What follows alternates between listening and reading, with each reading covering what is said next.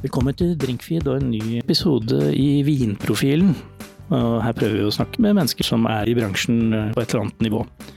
Og nå har jeg funnet en person som eh, ja, har hatt eh, en del roller og en del ja, skal vi si nesten hatter på hodet opp igjennom, men Pål Atle Skjervengen, velkommen til Drinkfeed. Tusen takk. Jeg vet ikke hvor vi skal begynne helt, ja. men vi kan, kanskje vi skal begynne på slutten. Nå sitter jo du som sjef her i Palmer Group. Ja, det er riktig det. det. Jeg kom tilbake etter seks år i Sverige og så tenkte jeg at uh, hva skal jeg gjøre nå? Da hadde jeg solgt aksjene mine i det svenske uh, selskapet og solgt leiligheten min og hadde egentlig ikke noe dårlig tid med noe som helst. Men um, så tok jeg noen kaffekopper da, med folk i bransjen bare for liksom connecte med gamle bekjente og, og, konkurrenter, i og for seg. Jeg hadde jo vært uh, styreleder i bransjeforeningen WBF i ti år, så jeg kjente jo de fleste, og det var ikke kommet så veldig mange nye på de seks årene.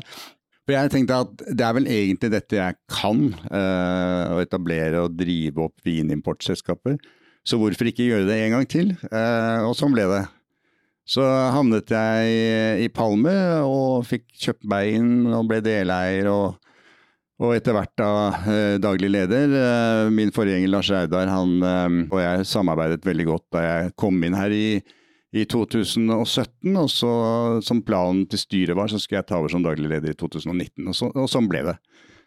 Men, men, det startet jo helt tilbake til 1996. Eller det startet i 95 da på høsten. For jeg jobbet som hva skal vi kalle det, PR-rådgiver, informasjonsrådgiver lobbyist. Eh, jobbet med store kunder som landsforeninger for NHO og andre. Eh, og så hadde jeg noen småkunder sånn bare for gøy, egentlig. Og en av de var Frode Hermansen, som var en sånn agenturforretning innenfor vin og brennevin. Det var liksom ikke noe hvilken som helst agenturforretning, fordi de hadde veldig mange sterke merkevarer. På brennevin var det sånn som hele Seagram-porteføljen med Martell og Skivas. Og, og, det var liksom Campari, og det var Finlandia. Det var tunge saker. Og, og, på vin så var det Motor Schild og Faustino og Rufino. og ganske mange, ganske mange kjente produsenter der også. Så jeg tenkte det, det, det var vel et potensial der. Så hadde han eh, som uh, var hovedaksjonær der, snappet opp at uh, etter denne Franzén-dommen i EU-domstolen Jeg vet ikke om du husker han Harry Franzén, kjøpmannen, ICA-kjøpmannen fra Skåne, som i 1995 um, begynte å selge vin. Han dro til Danmark, og så kjøpte han vin, og så solgte han det i butikken sin i Sverige. Kom politiet da, og skulle stenge butikken, og så sa han nei, nei, nei, dette er jo lov. altså Nå er jo Sverige medlem av EU, og i EU har man jo vin i butikk, så det må være helt uh, innafor. Det var ikke politiet enig i, så, så, butikken ble stengt. Han, um, han, ble anmeldt, og det ble en rettssak i Sverige som han tapte. Så da anket han uh, domsavsigelsen uh, til EU-domstolen. Og da var det ganske mye på gang og ganske mange rykter om at eh, Franzén kommer til å vinne denne saken, fordi at det var prinsipielt egentlig forkastelig å ha et eh, alkoholmonopol i EU. Men eh, det ble en sånn delvis seier og delvis tap. sånn at eh, monopolet i Sverige vant prinsippsaken om at det var greit å ha et detaljmonopol pga. helseaspekter. Fordi Frankrike hadde tobakksmonopol, så kunne like godt Sverige ha et, et vin- og spritmonopol. Men EU-kommisjonen bestemte da i etterkant at det skulle åpnes for eh, konkurranse på importleddet. Så fra 1922 til, til 1995 da, så hadde Eller dette er jo Norge, da, for jeg husker ikke helt når monopolet ble innført i Sverige. Men i, Norge så ble det innført i 1922 etter forbudstiden så, så, var det sånn at monopolet hadde eh, komplett monopol fra kjelledøren til produsenten og helt frem til konsument. Men EU-kommisjonen sa det at eh, vi vil åpne for konkurranse på importleddet. Så det betyr at monopolet blir et rent detaljistmonopol. Og sånn ble det i Sverige og naturlig nok i Finland, da, eh, som en følge av dette med to EU-medlemmer i 1995. Og så tok det ett år, og så skjedde det samme i Norge. Så i april 1996 så åpnet et marked i Norge som ikke hadde eksistert siden før forbudstiden. Det vil si altså Når blir det da? 1915, 16, 17, et eller annet sånt. Så åpnet det seg et helt nytt marked. og Da fikk jeg en forespørsel fra denne bekjente eh, via, via hans stesønn om jeg kunne tenke meg å være med i styret i dette selskapet. Og, og jeg engasjerte meg litt, jeg syntes dette var ganske spennende. Og de etablerte et logistikkselskap som het VSD, eh, som nå heter Scanlog. For å slippe å gi alle marginene til, eh, til den gamle konkurrenten Arcus distribusjon, da, som jo var det gamle Vinmonopolet. Og så gikk det noen måneder, så fikk jeg en ny telefon, og så fikk jeg spørsmål om jeg kunne Eller jeg fikk ikke spørsmål, jeg fikk et statement om at vi trenger en ny administrerende direktør. Så sa jeg at eh, det er greit, det kan jeg bruke noen dager på, så komme opp med noen forslag til deg. Nei, nei, de ville ha meg eh, i den rollen. Så sånn ble det faktisk, da. Så um, i april uh, eh, 1996 så ble jeg administrerende direktør i Frode Hermansen, som vi da byttet navn til Vinkompaniet på, og så satte vi i gang sammen med VSD og søsterselskapet eh, Brand Partners, da, som var 50% eid av Pernori Cars. Så, jeg var faktisk den første private importøren i Norge i nyere tid. Eh, og Erik Amundsen i Brand Partners var den andre eh, private importøren eh, i 1996. Før Kristoffer Mostu, faktisk. Altså, du, du, kan skryte av FUS der, altså? Ja, faktisk. Og det det var sånn, Jeg hadde jo ikke peiling på vin. Jeg hadde jo egentlig aldri vært i business i, i, i det hele tatt. Jeg hadde bare vært politiker og, og konsulent. Eh, så det var jo veldig mye som var veldig nytt for meg. og jobbe internasjonalt var jo også nytt for meg, så, så de tok jo en eh, formidabel sjanse da, som ansatte meg. Men det ble, det ble veldig vellykket, faktisk. Da er det jo kanskje betimelig å spørre om det, da. Jeg vet ikke. Skulle du ønske at det var omvendt? At du hadde vært i business først øh, en stund, og så blitt politiker? Ja, det var jo derfor jeg øh, ga meg. Øh, fordi jeg ga meg jo på topp. Det er jo fortsatt folk som husker meg fra den tiden, fordi det var liksom ikke noen skandaler forbundet med meg, og jeg ble ikke kasta ut heller. Ja. Ingen, ingen lure lurehybler eller innsidehandel, ingenting? Ingenting av sånne ting, faktisk. Og, og jeg var jo, må jo si det at jeg var jo ganske populær. Eh, både internt i, i Frp og eh, blant velgerne flest. Da. Ja, så Du skulle jo bli, du var jo en av kronprinsene som det ble kalt, uh, det husker jo til og med jeg. Uh, og, det var mye snakk om det, ja. Så du, du, du hadde egentlig stigen klar du, til å nå, nå, helt til topps? Ja, det hadde jeg jo i og for seg, fordi at da jeg kom til Carl I. Hagen ja, Det var jo allerede året før eh, nominasjonsprosessen, før eh, stortingsvalget i 93. Så bare ville jeg informere ham før jeg informerte komiteen om at jeg ikke hadde tenkt å ta gjenvalg til Stortinget. Og da ble han så frustrert at han sa det at uh, han hadde jo ikke tenkt at jeg skulle overta allerede på det tidspunktet, men men hvis det skulle være sånn, så kunne han jo alltids eh, tre til siden og, og, og liksom overlate formannsklubba til meg. Og så sa jeg at da tror jeg du misforstår, jeg bare informerer deg om at jeg ikke har tenkt å fortsette som, eh, som heldagspolitiker. Så jeg, eh, og, og, grunnen til det var jo ikke fordi jeg ikke likte politikk eller var blitt uinteressert i noe som helst, men det var fordi jeg hadde lyst til å få et ordentlig liv. Jeg hadde lyst til å komme ut i næringslivet og, og, og, lære om virkeligheten, og ikke bare sitte der inne i dette akvariet på Stortinget. For jeg hadde jo, jeg hadde jo ikke gjort noe annet enn å studere og, og være politiker eh, liksom, gjennom Altså Gjennom gymnastiden og, og, studiene så hadde jeg jo plutselig blitt eh, bystyremedlem, eller først skolestyremedlem i Oslo, og så bystyremedlem, og så ble jeg kommunalrådssekretær og kommunalråd, og så vips så var jeg stortingsrepresentant og nestformann i partiet og nestformann i stortingsgruppa. Altså det gikk veldig, veldig fort alt sammen. Uh, jeg klarte nesten ikke å følge med selv hvor fort liksom, karrieren uh, skøyt fart. da. Så, så tenkte jeg nei, nå må jeg faktisk uh, stoppe opp. For hvis jeg ikke gjør det, så blir jeg trolig her til jeg blir pensjonist.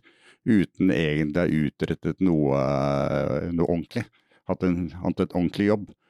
Så det var, en, det var en veldig tøff beslutning, men jeg angrer ikke på den i dag. Og jeg, jeg var helt fast bestemt på at sånn måtte det bli. Så nå kunne jeg kanskje vært en veldig god politiker, for nå har jeg vært ute i virkeligheten i såpass mange år at, kunne, at jeg har mye erfaring. Da. Men uh, sånn ble jo ikke mitt liv. Det ble liksom litt sånn opp ned, på sett og vis. Men vi var jo en del andre unge, uh, lovende politikere på den tiden som også har forsvunnet ut. Da. Det er jo som ja, Men jeg satt jo i komité med, med Kristin Clemet f.eks. og Jonny Bernander. og hadde partikollegaer som uh, Tor Mikkel Wara og hadde Paul Shaffey f.eks. i SV, som nå er i jeg vet ikke om han er i NHO lenger, men han var, var i NHO i mange år. Han bytta vel på en måte side, han, litt? Han gikk vel fra SV til Høyre på, på mange måter. Så, så, jeg var jo ikke alene da, om å være liksom en sånn ung og lovende politiker på den tiden. Um, men eh, det var veldig morsomt å prøve seg ut i næringslivet. Og, og, og, så har jo vinbransjen blitt min bane, da. Så eh, jeg var jo, eh, jeg var jo ansvarlig for Vinkompaniet i fem år, men jeg hadde ikke noe eierskap der, så jeg, det var liksom ikke noe vits å fortsette ut i det uendelige. Um, så da valgte jeg å slutte der. Men så jeg sluttet vel der på topp også, i og for seg. Vi tjente grassat med penger, og alt var rosenrødt. Og så vet jo jeg og du også at uh, eierne solgte jo det selskapet. hele den der, Først så het det Norwegian Beverage Group. Det var jo flere selskaper involvert der. Det var Best uh, kom inn. ikke sant, og, og så dro vi til Sverige med eksterne penger i 99 og kjøpte Bibendum og Philipsen og Sødeberg og, og, og Premium Wines og Venneco i Finland og Vingården i Danmark. Og det ble jo svære greier. Scandinavian Beverage Group. Og så ble jo alt det der solgt til Altia, da. Finske gamle monopolet i, i, i 2004. Og da, eh, så når jeg sluttet i, eller da jeg sluttet i Vinkompaniet, gikk jeg tilbake til PR-bransjen, og så savnet jeg bransjen, vinbransjen så voldsomt at jeg, jeg startet på nytt. Eh, og da startet jeg med familien Fondberg borte i Sverige. Eh, og bygde opp det i, gjennom åtte år til vi solgte selskapet til Torstein Tvenge i 2012. Og det var jo også en veldig hyggelig reise, faktisk. Vi startet jo med ingenting og endte opp eh, med et eh, ganske svært selskap som, som han har da, sammen med sine dyktige medarbeidere, utviklet videre. da. Ja, Fonberg er jo en, en, en, en tydelig aktør i, i, Norge også. Ja, ja, de, de, jo, de, forsvant jo i Sverige, men, men, men, de, men er veldig synlige og veldig svær i, i, i Norge. Så det, det, var jo også en veldig veldig morsom reise. Grunnen til at jeg havnet i Sverige, det var rett og slett fordi den svenske familien klarte ikke å holde liv i sin egen business. Vi gjorde det veldig bra. Datterselskapet i Norge og datterselskapet i Finland også gjorde det veldig bra. Men svenskene selv eh, rotet bort alt, alle verdiene sine. Eh, uenighet mellom eierne, altså helt kaos. Så spurte da disse brødrene om ikke jeg kunne komme over til Stockholm og hjelpe dem litt. Jeg hadde jo allerede sittet i styret der borte og kjente jo virksomheten veldig godt. Så tenkte jeg at jo, jo, det kan være greit. Et halvt år i Stockholm, det går vel fint, liksom. Men det ble seks år, da. Det ble det med midlertidige seks år. Ja, ikke sant. Så um, jeg savner Stockholm. Jeg savner i og for seg ikke det derre hybellivet og jeg hadde ikke noe hybel, jeg hadde en fin leilighet i og for seg, men, men, men det der ukependlerlivet, det er fryktelig stressende. Men, men, selve Stockholm som by savner jeg. Det, det er eh, en litt annen dimensjon enn en lille Oslo, faktisk. Det kan jeg nesten tenke meg. Men jeg, jeg må nesten spørre deg sånn, litt sånn politikk igjen. Du kommer jo med en bakgrunn fra et parti som ikke akkurat er eh, stor, stor tilhenger av monopoler og statlig eierskap i alle retninger. Det, det, er lov å si. Det er lov å si. Og så nå er jo virksomheten din rettet inn mot uh, altså Det er jo mm, fri import, og du kan selge hva du vil til Horeka f.eks., altså restaurant og sånn, men, men, du er fortsatt bundet av dette salgsmonopolet. da. Hvordan, er det da ja, for deg? Det, det er det store paradokset, da. ikke sant? Det er, jo, eh, det er jo 720 importører i Norge nå, og, og Palmer som jeg driver er nummer ti på polet og nummer fem i Horeka. Så vi er jo en av de større aktørene. Og, og, så kan man si hadde vi klart oss uten dette detaljmonopolet? Ja, det kan vel hende, men det kan også hende at det hadde vært veldig vanskelig. At det, ikke sikkert vi hadde hatt noen vinbransje i Norge uten, uten det detaljmonopolet. For det hadde vel sto, i, i, stor grad disse store dagligvaregigantene kjørt mesteparten av av vinbusinessen gjennom, gjennom, sine butikkjeder. ikke sant? Uh, og det er, vel ikke noe galt i det i og for seg, men, Men, men, utvalget hadde vært ganske annerledes, da. Så, så, jeg tenker så lenge vi har et monopol hvor, hvor, det viktigste leddet er satt i så sterk konkurranse som det det er, så er det ikke et vanlig monopol. Det er et detaljmonopol, men, men, men den konkurransen som er mellom importørene er jo helt ekstrem. Altså, du husker sikkert eh, ved delingen, eller før delingen, så var det 1000 varelinjer tilgjengelig på Vinmonopolet. I dag så er det 33 000, ikke sant. Og den eneste grunnen til det, eh, det er jo ikke fordi Vinmonopolet lager så mange tendere at de skal ha så mange listinger, men det er fordi at importørene tar inn varer for egen regning og risiko, eh, selger de i Horeka og selger de gjennom bestillingsutvalget. Så, så, det er jo en tilgang for konsumentene som er helt ellevill eh, i Norge. Det er kanskje det beste vinutvalget i, i verden dette lille landet her. Så det syns jeg jo egentlig fungerer veldig godt, da. Eh, selv om jeg prinsipielt er like mot monopoler nå som jeg var den gangen jeg var politiker. Jeg har ikke blitt noe mindre liberalisme over det. Så, så, så kan vi liksom godt leve med den, type monopol, tenker jeg da. Og det er sånn, De fleste vet jo ikke helt hvordan dette foregår. for Jeg hører fortsatt snakke om at ja, men Vinmonopolet får jo sikkert så gode betingelser for det er så stor kunde. Da øh, føler jeg behov for å si at Vinmonopolet kjøper ingenting. Uh, Vinmonopolet tar ingen risiko. Eh, det er importørene som gjør hele jobben, så vi, vi forhandler priser og betingelser, kvaliteter med produsentene. Vi blender til og med sammen med produsentene hvis, hvis nødvendig. Vi besørger eh, eh, alle, alle ordre, vi besørger eh, all transport inn til Norge. Vi besørger lagerhold, og vi distribuerer ut da via vår logistikkpartner ut til alle Vinmonopolets butikker og til alle Horeka-kunder. Det gjør vi som importører, og ikke nok med det, men vi betaler også alkoholavgiftene. Så det eneste Vinmonopolet gjør, det er liksom å dra flaskene gjennom kasseapparatet, da. Og har i og for seg fine butikker. og og de har veldig mange dyktige ansatte som gir veldig mye gode råd da, til eh, kundene som, eh, som spør. Og, og, så vidt jeg vet så er det 40% av alle kundene på Vinmonopolet spør om råd i butikk. Og det, det skiller jo det norske monopolet fra det svenske. fordi i Sverige så kan ikke de butikkansatte noen ting om produkt. Eh, de er flinke til å fylle på hyllene og gjøre liksom logistikkjobben, men i Norge så kan jo veldig mange polansatte veldig mye om produkt. Det gjør at polet i Norge har en veldig høy standing da, som en faghandelskjede. Så all ære av det. Eh, og ja, jeg vet ikke hvor, lenge, hvor langt jeg skal dra akkurat det der, men Eh, den som har stor eh, del av æren for at det har blitt sånn, eh, det er jo faktisk Arne Ronald i Vinforum, som var veldig, veldig mot det norske vinmonopolet i mange, mange år, og skrev nedsettende artikler om Vinmonopolet, om Vinmonopolordningen, om alle lanseringene deres, og det var ikke måte på.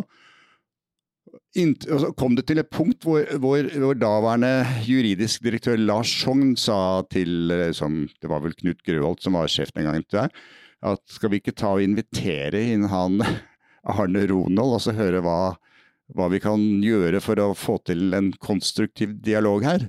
Og da gjorde de det, og så fikk Arne gjennomslag for at man skulle ha et uh, utdanningssystem og et utdanningsnivå og krav om vinkompetanse både på hovedkontoret blant innkjøperne, selvfølgelig som minimum diploma på VZ og helst eh, master of wine. Eh, og, og, og, og litt lenger ned eh, på stigen, da, men, men, men likevel et ganske høyt varefaglig nivå i butikk.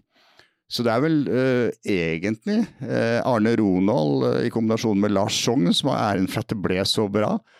Og, og da, da, Kai Henriksen eh, tok over eh, sjefsrollen, så utviklet jo han da denne faglige biten eh, i Vinmonopolets butikkdrift eh, ytterligere. Og, og, så har det jo bare fortsatt sånn, ikke sant. Og Elisabeth Hunter som er sjef i dag, hun jo, har jo samme filosofien, ikke sant. Så eh, ja, Vinmonopolet er vel egentlig Norges beste faghandelskjede, og kanskje muligens en av de beste i verden.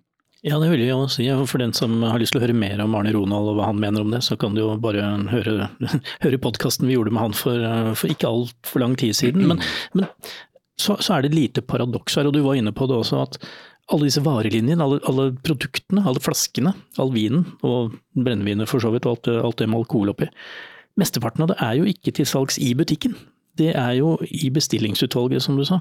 Ja, Det er i nettbutikken, da. Ja, ikke sant. Uh, altså, du er nødt til å gå på nettet for å få tak i alle disse flaskene. Ja. Så der er, der er, det vel en liten oppfordring, og særlig fra deg som, eh, som eh, selger veldig mye vin gjennom ikke-butikk, at folk må begynne å lære seg å bruke nettbutikken. Ja, absolutt. Og, og det er jo veldig smidig. Altså, hvis du hvis du bor i sentrale strøk da, hvor, hvor, butikkene får leveranse tre ganger i uka, sånn som, sånn som jeg opplever, Eh, jeg bestiller som regel til CC Vest, og, og, da tar det tre dager, liksom. Eh, varene kommer fra Kveko, vi har en logistikkpartner som leverer varer. Og, og, og det er jo kjempesmidig. Jeg, jeg gidder jo ikke å, å, gå og raske med meg noen enkeltflaske i butikk, fordi jeg vet jo hva jeg skal ha. Uh, så jeg sitter bare hjemme og så bare bestiller jeg noen kasser, og så får jeg beskjed om at nå kan du komme og hente det, og så åpner jeg bagasjerommet og kjører det. Jeg, jeg syns det er kjempesmidig, men, men, det forutsetter selvfølgelig at du vet hva du skal ha. Og Det er jo en utfordring i Norge hvor det er reklameforbud, og, og det er vanskelig å orientere seg sant, for, for, kundene. Så de fleste, de, eller veldig mange, hører på de butikkansatte, og da da blir jo bestillingsutvalget litt vanskelig, ikke sant? fordi da må du faktisk i butikk først før du kan bestille. Alternativt så må man lese artikler da, ikke sant? Eh, eller høre på podkaster for å finne ut hva man skal drikke og bestille. Eh, men det er jo flere og flere som bestiller. Så mm, vi er jo, vi er jo vant til å kjøpe ganske mye varer på nett eh, etter hvert. Forskjellen på å kjøpe sportsutstyr og, og vin er jo selvfølgelig at på sportsutstyr så vet du liksom hvilke merker du stoler på på vin så kan folk såpass lite at de klarer ikke å skille produsent og eh, appellasjon, ikke sant. Eh, altså En chablis er en chablis, og en cotteron er en cotteron, og så enkelt er det jo ikke. ikke? Så, så vin er litt mer komplisert. da. Eh, det er et vanskelig landskap hvis man ikke er spesielt interessert. Ja, det, er, det, det, merker jo vi som, som, er den informative delen av, av dette her.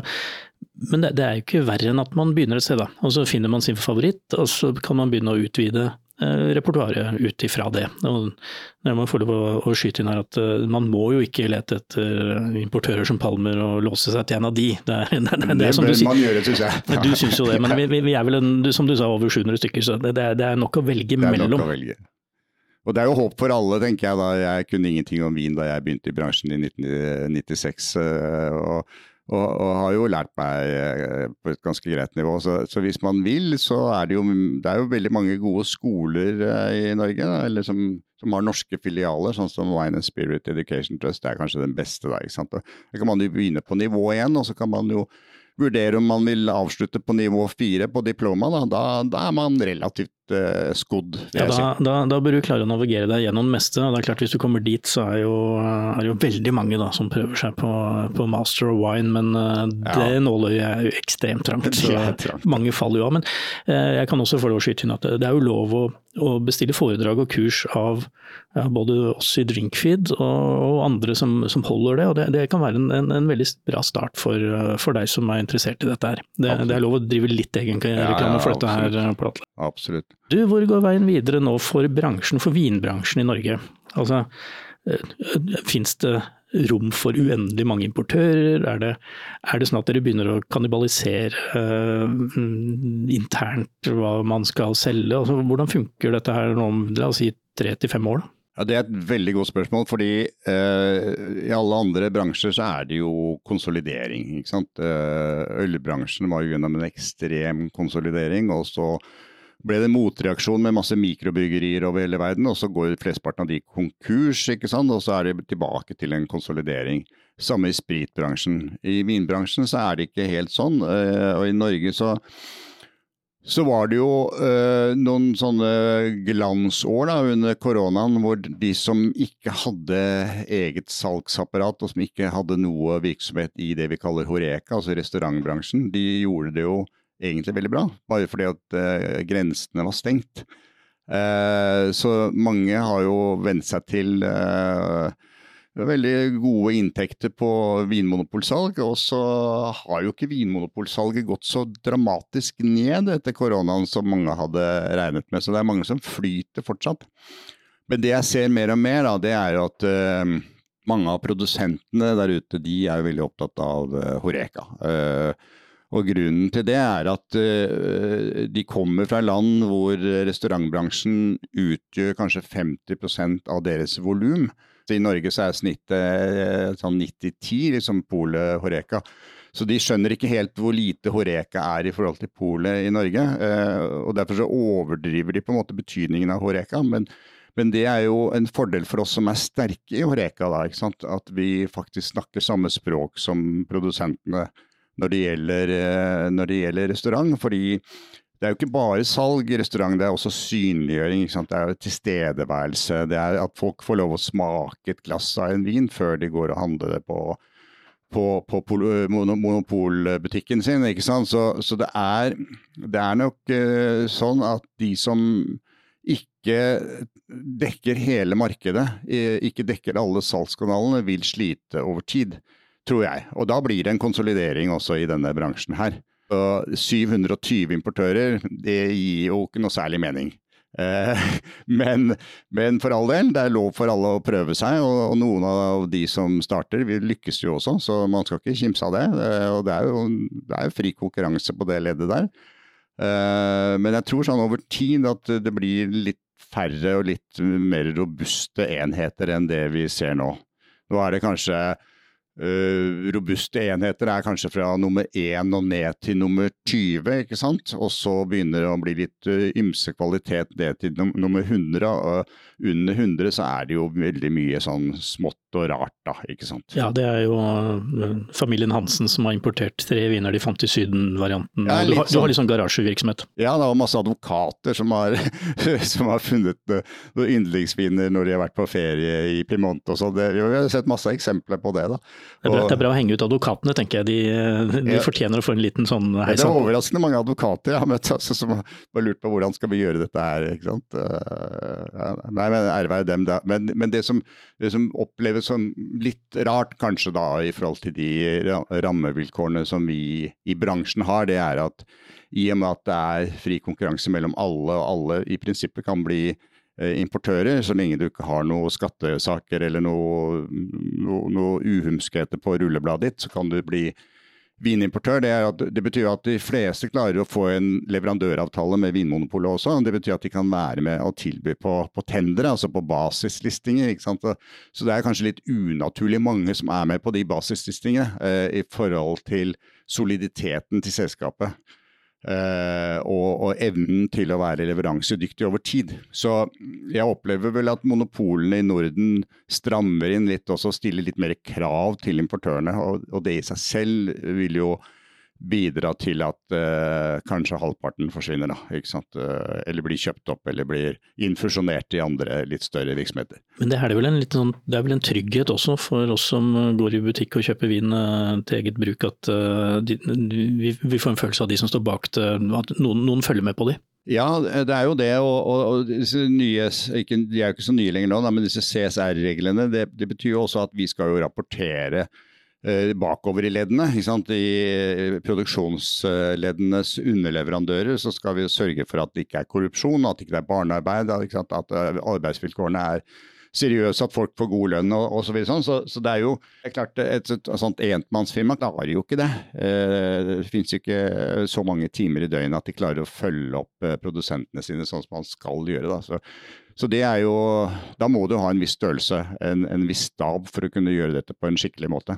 Skal jeg konkludere med nå at du er jo forsiktig optimist når dere som er eh, solide og har vært med en stund, og så får vi se hvordan det går med resten? Ja, jeg tenker det er en ganske bra konklusjon. Ja. Og så er jo konkurransen i toppen, den er jo stadig tøffere. Så, men, men, sånn skal det jo være. Det er jo alle, alle, blir vi bedre av eh, konkurrenter og konkurranse. Ja, Dette er jo egentlig det, det du har villet hele tiden, så det, du, kan ikke, du, kan ikke, klage på det. Nei, absolutt ikke.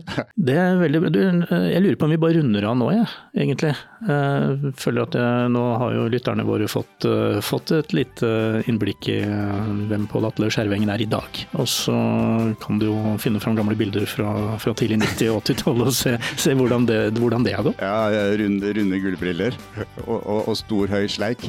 Ja, ja det, var jo, det var stas. Det var tider. Ja, det var. Tusen takk for at du ville eh, være med oss i dag. Tusen takk.